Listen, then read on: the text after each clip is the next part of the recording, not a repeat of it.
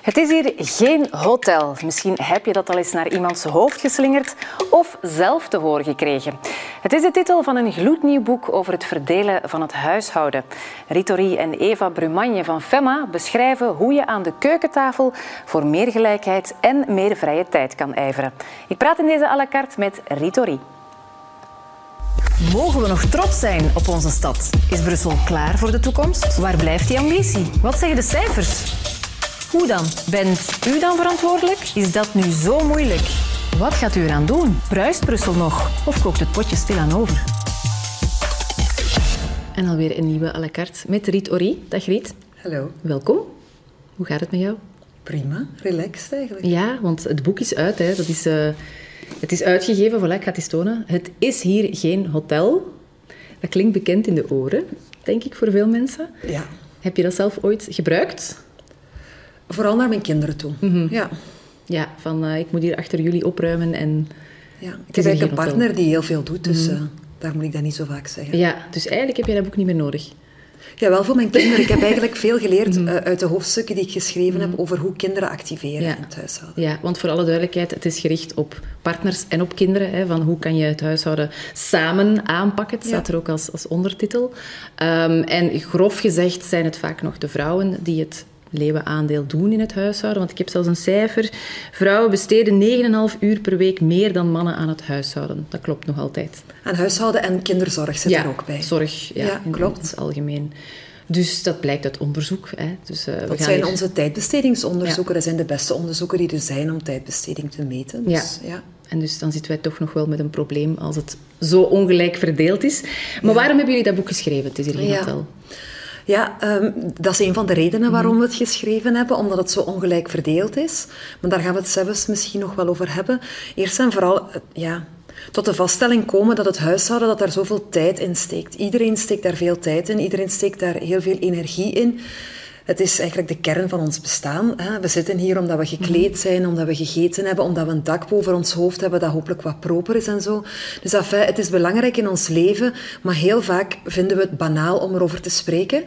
Heel vaak speelt het zich achter de gevels af en zien we Eigenlijk het een beetje een taboe zelfs, hè? Zeker en vast, ja. Zeker voor vrouwen is het een groot taboe, omdat de meeste vrouwen en mannen eigenlijk gelijkheid tussen mannen en vrouwen eigenlijk wel belangrijk vinden.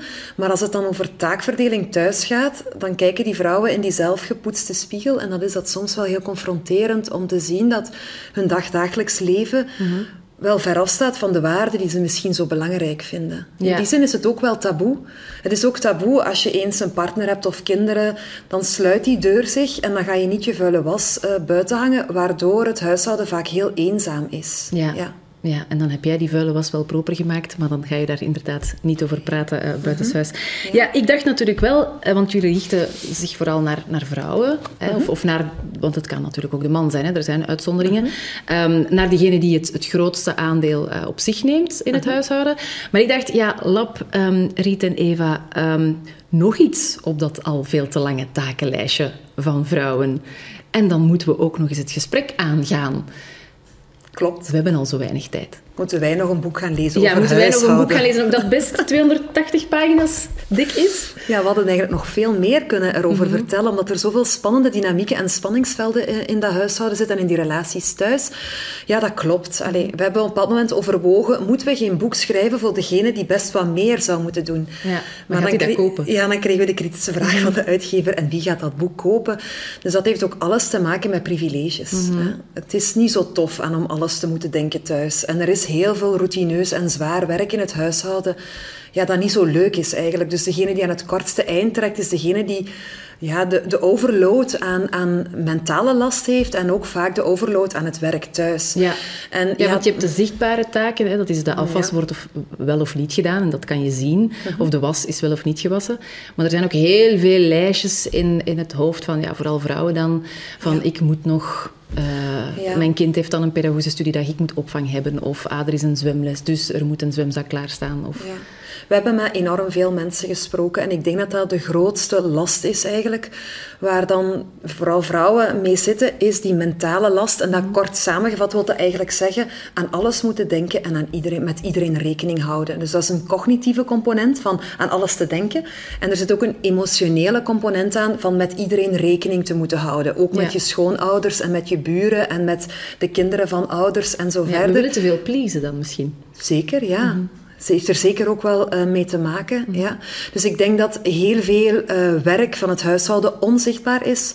Dat te maken heeft met bedenken, met plannen en dan pas uitvoeren. Ja, want jullie hebben ook een ganse lijst in het boek opgenomen. Oh, ja. Van kijk, dit is het huishouden eigenlijk. Het is waarschijnlijk nog niet volledig. Mm -hmm. hè, want je zou daar een heel boek mee kunnen vullen. Maar het is ook allemaal opgedeeld. Hè, van je hebt niet alleen maar van de was doen. Mm -hmm. Maar dat is dan opgedeeld in alle deeltaken.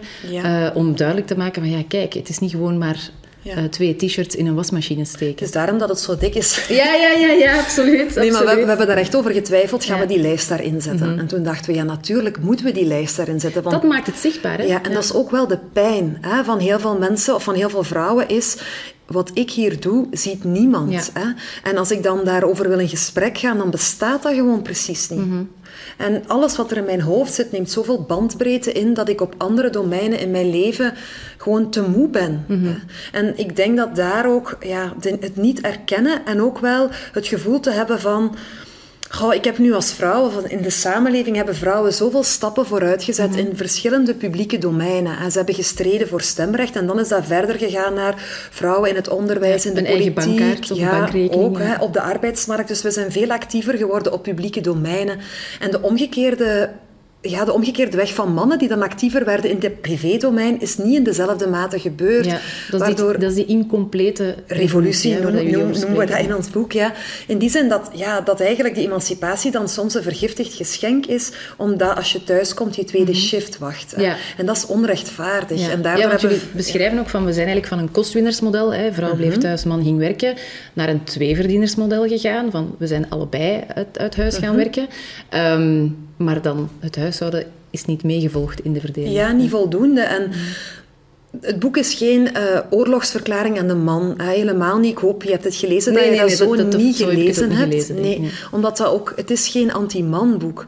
Maar het stelt wel een samenleving in vraag waarin we rollen toebedelen aan mannen en vrouwen die hen beide onvrij maken. Mm -hmm. En in het huishouden is dat vooral de vrouw die ook heel erg vastzit aan de rol van de perfecte moeder, de perfecte partner, de perfecte huishoudster, laten ja. we zeggen, hè, die in het huis alles goed heeft. Want jullie schrijven ook letterlijk van ja, we zijn eigenlijk strenger voor moeders dan voor vaders als het gaat over uh, of dat de kinderen er netjes bij lopen, et cetera. Of dat er een schooltoneel gemist kan worden of niet. Absoluut. En dat, dat wordt ook... Allez, wij zeggen dat in ons boek, maar dat wordt ook onderbouwd door heel wat onderzoek. Hè. Ik denk, dat vind ik wel de kracht van ons boek. Het zijn niet zo losse tips en tricks om de taken beter te verdelen, maar we onderbouwen het heel erg met sociologisch onderzoek, antropologisch onderzoek, ja, waarin we echt wel die, die zogezegde hele individuele overtuigingen. Hè, van mm-hmm. ik moet de perfecte moeder zijn of ik als moeder moet alles heel goed doen. Dat is niet iets wat alleen van jou van binnen komt. Dat is iets wat maatschappelijk ja. gevormd wordt en steeds wordt gereproduceerd. En wat en... we ook elke keer opnieuw ja, ja. horen en rondom ons zien.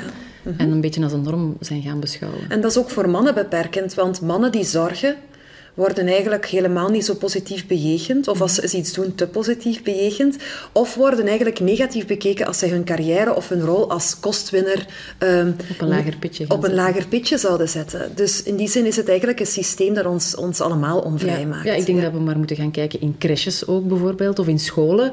Ja. zijn ook heel vaak allemaal zorgberoepen daar zitten gewoon nog te weinig mannen ook. Hè? Ja, of als mijn man de kinderen naar de crash bracht, werd er gezegd, en zeg maar tegen de mama dat. Ja, hè? ja alsof dat de man het zelf niet kan ja, onthouden. Of wie krijgt de telefoon als kinderen ziek zijn? Mm -hmm. De vrouwen, hè? Ja. de moeders. Ja, ja. Ja, want jullie schrijven het ook letterlijk, hè, van de samenleving ja, dwingt ons in bepaalde genderrollen, hè, die mm -hmm. elke keer opnieuw ja, uh, in stand gehouden worden. Um, zijn er eigenlijk plekken in de wereld waar dat onbetaalde werk um, mee wordt opgenomen uh, in bijvoorbeeld het economische model? Nee, eigenlijk heel weinig. Ook niet in, in Bhutan is er op een bepaald moment zo een, een soort van um, um, indicator geweest om dat te monitoren, maar eigenlijk zeer beperkt. Hè.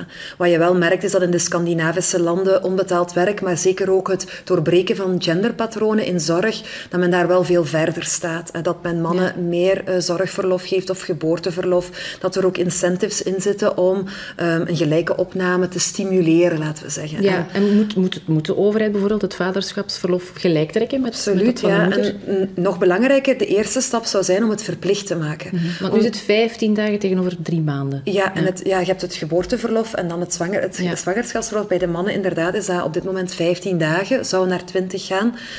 Maar het is niet verplicht en uit onderzoek blijkt dat de meeste mannen het maar deels of soms ook niet opnemen, vooral omwille van de druk die er is bij de werkgever of de cultuur in het bedrijf. Hè. Ja. Allee, serieus, je gaat toch geen drie weken wegblijven? Ja, hè? ja. Terwijl ja, drie weken bij een pasgeboren kind is heel, heel beperkt. En we weten ook uit onderzoek dat de zorgpatronen de eerste maanden worden vastgelegd.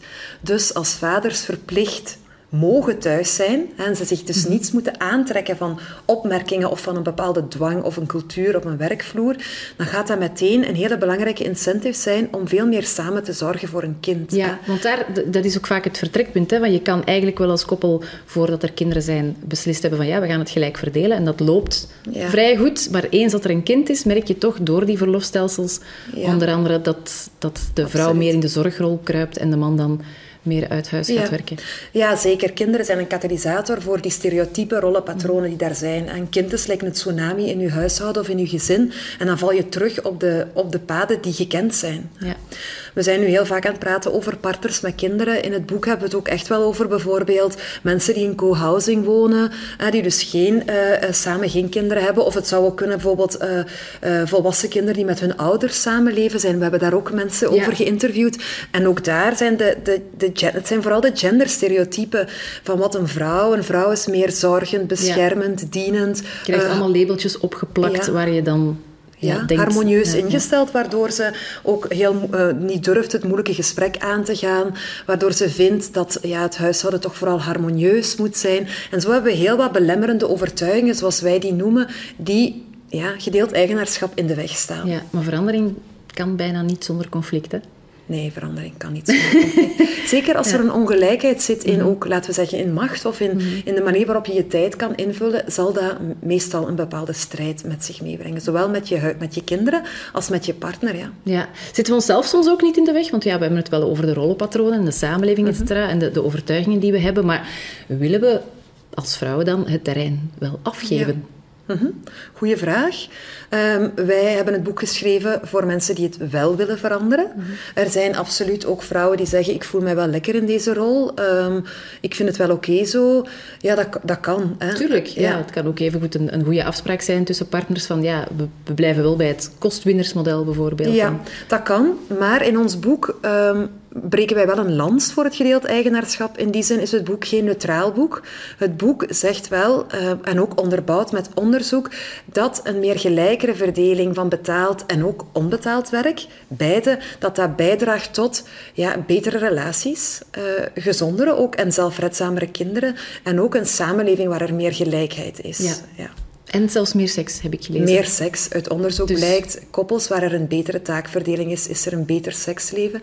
En op zich is dat niet zo raar. Hè? Mhm. Want als jij het gevoel hebt dat je thuis de sloof of de sloef zijt, en je bent heel moe en je bent ook boos van binnen, en dan moet je ook nog begeerlijk aantrekkelijk zijn en seks hebben met die partner die eigenlijk vaak doodgewicht is in het huishouden, die is dan vaak ook doodgewicht in bed. Of jij zelf ook. De Ja. taak te veel. De taak te Ja. veel. Jammer hè, dat het zo Ehm, moet zijn. Ja, misschien moeten we eens naar dat gedeeld eigenschap. Hè? Wat, wat is dat voor een beest? Hoe kan je dat eigenlijk kort omschrijven? Mhm. Ja. Ehm, voor ons is het niet zo dat gedeeld eigenaarschap is. We doen alle twee 50-50, we doen alle twee hetzelfde, we wisselen de taken, zodat er zeker nergens geen, laten we zeggen, ongelijkheid is. Het is meer het gevoel van billijkheid dat we belangrijk vinden. Er Iedereen zijn- kan er zich in vinden? Ja, bijvoorbeeld stel, uh, mijn ouder wordt heel ziek en ik heb eigenlijk, ik wil daar aandacht aan geven of ik heb een promotie op mijn werk, dan kan het zijn dat je tijdelijk niet 50-50 zit. Als ik het boek schreef bijvoorbeeld, was het ook niet altijd 50. Ja, jullie schrijven het in het dankwoord. Hè, van, we beseffen met een rode blos op onze wangen dat het gedeelde eigenaarschap in ons huishouden nu ook even op een laag pitje stond. Maar het vertrekt wel vanuit het idee dat ieders tijd even kostbaar is. En heel vaak zien we van, oh ja, mijn man heeft een belangrijke vergadering, dus die kan er niet zijn en zo verder. Hè. Vergaderingen zijn dan vaak heel belangrijk. En, en dan vraag ik mij af, is die tijd, of vragen wij ons af, is die tijd kostbaarder dan de andere tijd? En dat dat heel belangrijk is om daar samen kritisch naar te kijken. En dan is het belangrijk om samen te werken vanuit respect en vanuit evenwaardigheid. En is het ook belangrijk om verantwoordelijkheid op te nemen. En dat verantwoordelijk zijn, dat zien we dan ook dat je en dat is dan belangrijk in een strategie om naar gedeeld eigenaarschap te gaan, is om bepaalde domeinen ook helemaal voor jou rekening te nemen. Ja, dat je echt van A tot Z de hele tijd. Want wat gebeurt er vaak? Vrouwen zitten aan het stuur, zijn de homecomputer noemen we dat, hè, van het huishouden, hebben alle mentale last van al die domeinen, koken, boodschappen, kinderen, hobby's, al die zaken. En zij gaan dan eigenlijk delegeren. Maar uiteindelijk blijft dat zenuwcentrum van dat huishouden bij één persoon. En daar zien we eigenlijk dat uh, de key om, om te kunnen loslaten, is eigenlijk om bepaalde domeinen volledig af te staan aan anderen. Ja, en dus ook eigenlijk vrede mee te nemen dat er was op een andere manier gedaan wordt. Zeker, absoluut. Ja. Ja, dus loslaten is niet altijd evident, hè? Nee, er staat een heel hoofdstuk over loslaten. ja, absoluut. Maar er is heel veel aandacht besteed aan hoe kan je loslaten, hoe kan je het gesprek aangaan, welke tools heb je in handen. Ehm, maar ja, natuurlijk, bijvoorbeeld je hebt zelf ook kinderen thuis. Hoe heb jij dat aangepakt met je kinderen? Was er weerstand? Ja, het eerste belangrijke bij mij was vooral dat ik mijn, anders, anders naar mijn kinderen ging kijken.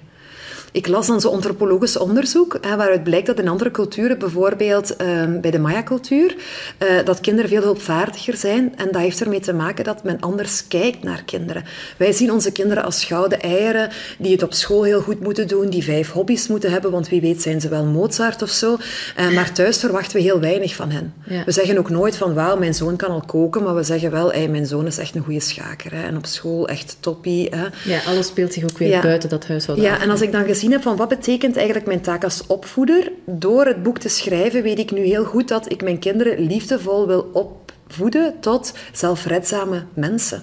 Die eigenlijk, als ze, meer, als ze meer, meerderjarig zijn, zelf voor zichzelf kunnen zorgen. En dat is eigenlijk mijn taak die ik heb als ouder. Want kan je huishouden is gelijk aan teken zelfzorg? Zeggen? Ook, ja. Ja, het is best wel triest als je niet voor jezelf kan zorgen. Hè? Als je partner sterft en je weet niet hoe je je kleren moet wassen, of hoe je voor jezelf kan koken, of hoe je een, een rustig huis voor jezelf kan creëren, of een rustige thuis. En dus dat was het eerst. Als ik naar mijn kinderen keek, ik had altijd zo schroom, weet je wel, van moet ik ze dan nu zo vragen? Ja, ze, ze moeten dan zo school geweest en, ze hebben een hobby. En, ja. dan denk ik, nee, fuck it, nee, echt niet, ik zie er anders. En dan heb ik ook wel zo lijsten zitten opzoeken van wat kunnen kinderen al. En dan ben ik beginnen uh, uh, experimenteren, ook op Instagram en zo met mijn dochter van acht, hè, die kan dus echt zo schrobben en zo de, de badkamer ontkalken. En mijn zoon van elf, die kan alleen een maaltijd bedenken, die gaat alleen winkelen en die kookt dan. Dus soms heb ik een vergadering thuis en dan kom ik thuis, ben ik, kom ik in de woonkamer, in de living, en dan heeft hij gewoon een, een pasta gemaakt, zie je? Mhm. Dus ook leren loslaten, kinderen laten doen. Um, en soms herval ik in de gewoonte van heel hard te roepen en te commanderen en niet verbindend te communiceren. Dus ik maak zelf heel veel fouten. Zo ja, leren natuurlijk. Ja, maar in het boek staat dat je eigenlijk kinderen moet aanspreken op een rol om bij te dragen tot hun clan, tot hun gezin waar ze zo graag willen bijhoren. En ik heb ook geleerd dat kinderen vanaf 18 maanden willen bijdragen. Ja, en ik zie dat bij mijn kleine nichtjes bijvoorbeeld. Die doen alles gewoon heel graag na. En strijken en poetsen en ja. Uh, ja in hun mini-keukentje frietjes bakken. Ja, maar wij gaan hen eigenlijk afleiden naar namaakkeukentjes om namaakspaghetti te maken, omdat dat vermoeiend is als je thuis komt om je kinderen dan ook nog mee te laten koken en je daar ook een pedagogische rol hebt. Maar daar heb ik wel geleerd dat je moet doorbijten en dat je dat wel moet doen. En elke keer als je tegen je kind zegt, nu niet, ga maar in je eigen keukentje, is elke keer een moment dat je je kind afleert om thuis verantwoordelijkheid op te nemen. En dan zijn ze plots 16 en zeggen ze van, moet ik dat hier wel doen? Ja, en ook belangrijk, we weten uit onderzoek dat we meisjes veel meer taken laten doen dan jongens. Hier in Vlaams onderzoek blijkt dat tienermeisjes veel meer in het huishouden doen, veel meer helpen dan jongens. En dus zijn we eigenlijk opnieuw een generatie aan het maken waarvan we nu zelf nog zeggen, is dit boek nu echt nog zo nodig? ja. Ja. het is nog nodig, we zijn er nog niet. Uh, want er is nog uh, heel veel werk aan de winkel. En ook thuis, hè. Er zal altijd werk uh, blijven. Ja. Het is hier Gunatel, voilà, ik ga het nog eens tonen, van Ritori en Eva Brumagne. Dankjewel om naar à la carte te komen. er kan, we kunnen er nog heel veel over zeggen, denk ik. Maar ja. het is denk ik belangrijk dat mensen het ook zelf ter hand nemen. Hè. Zeker. Dankjewel. Graag gedaan. Ritori. En bedankt ook om te kijken. Volgende week is Lucas er.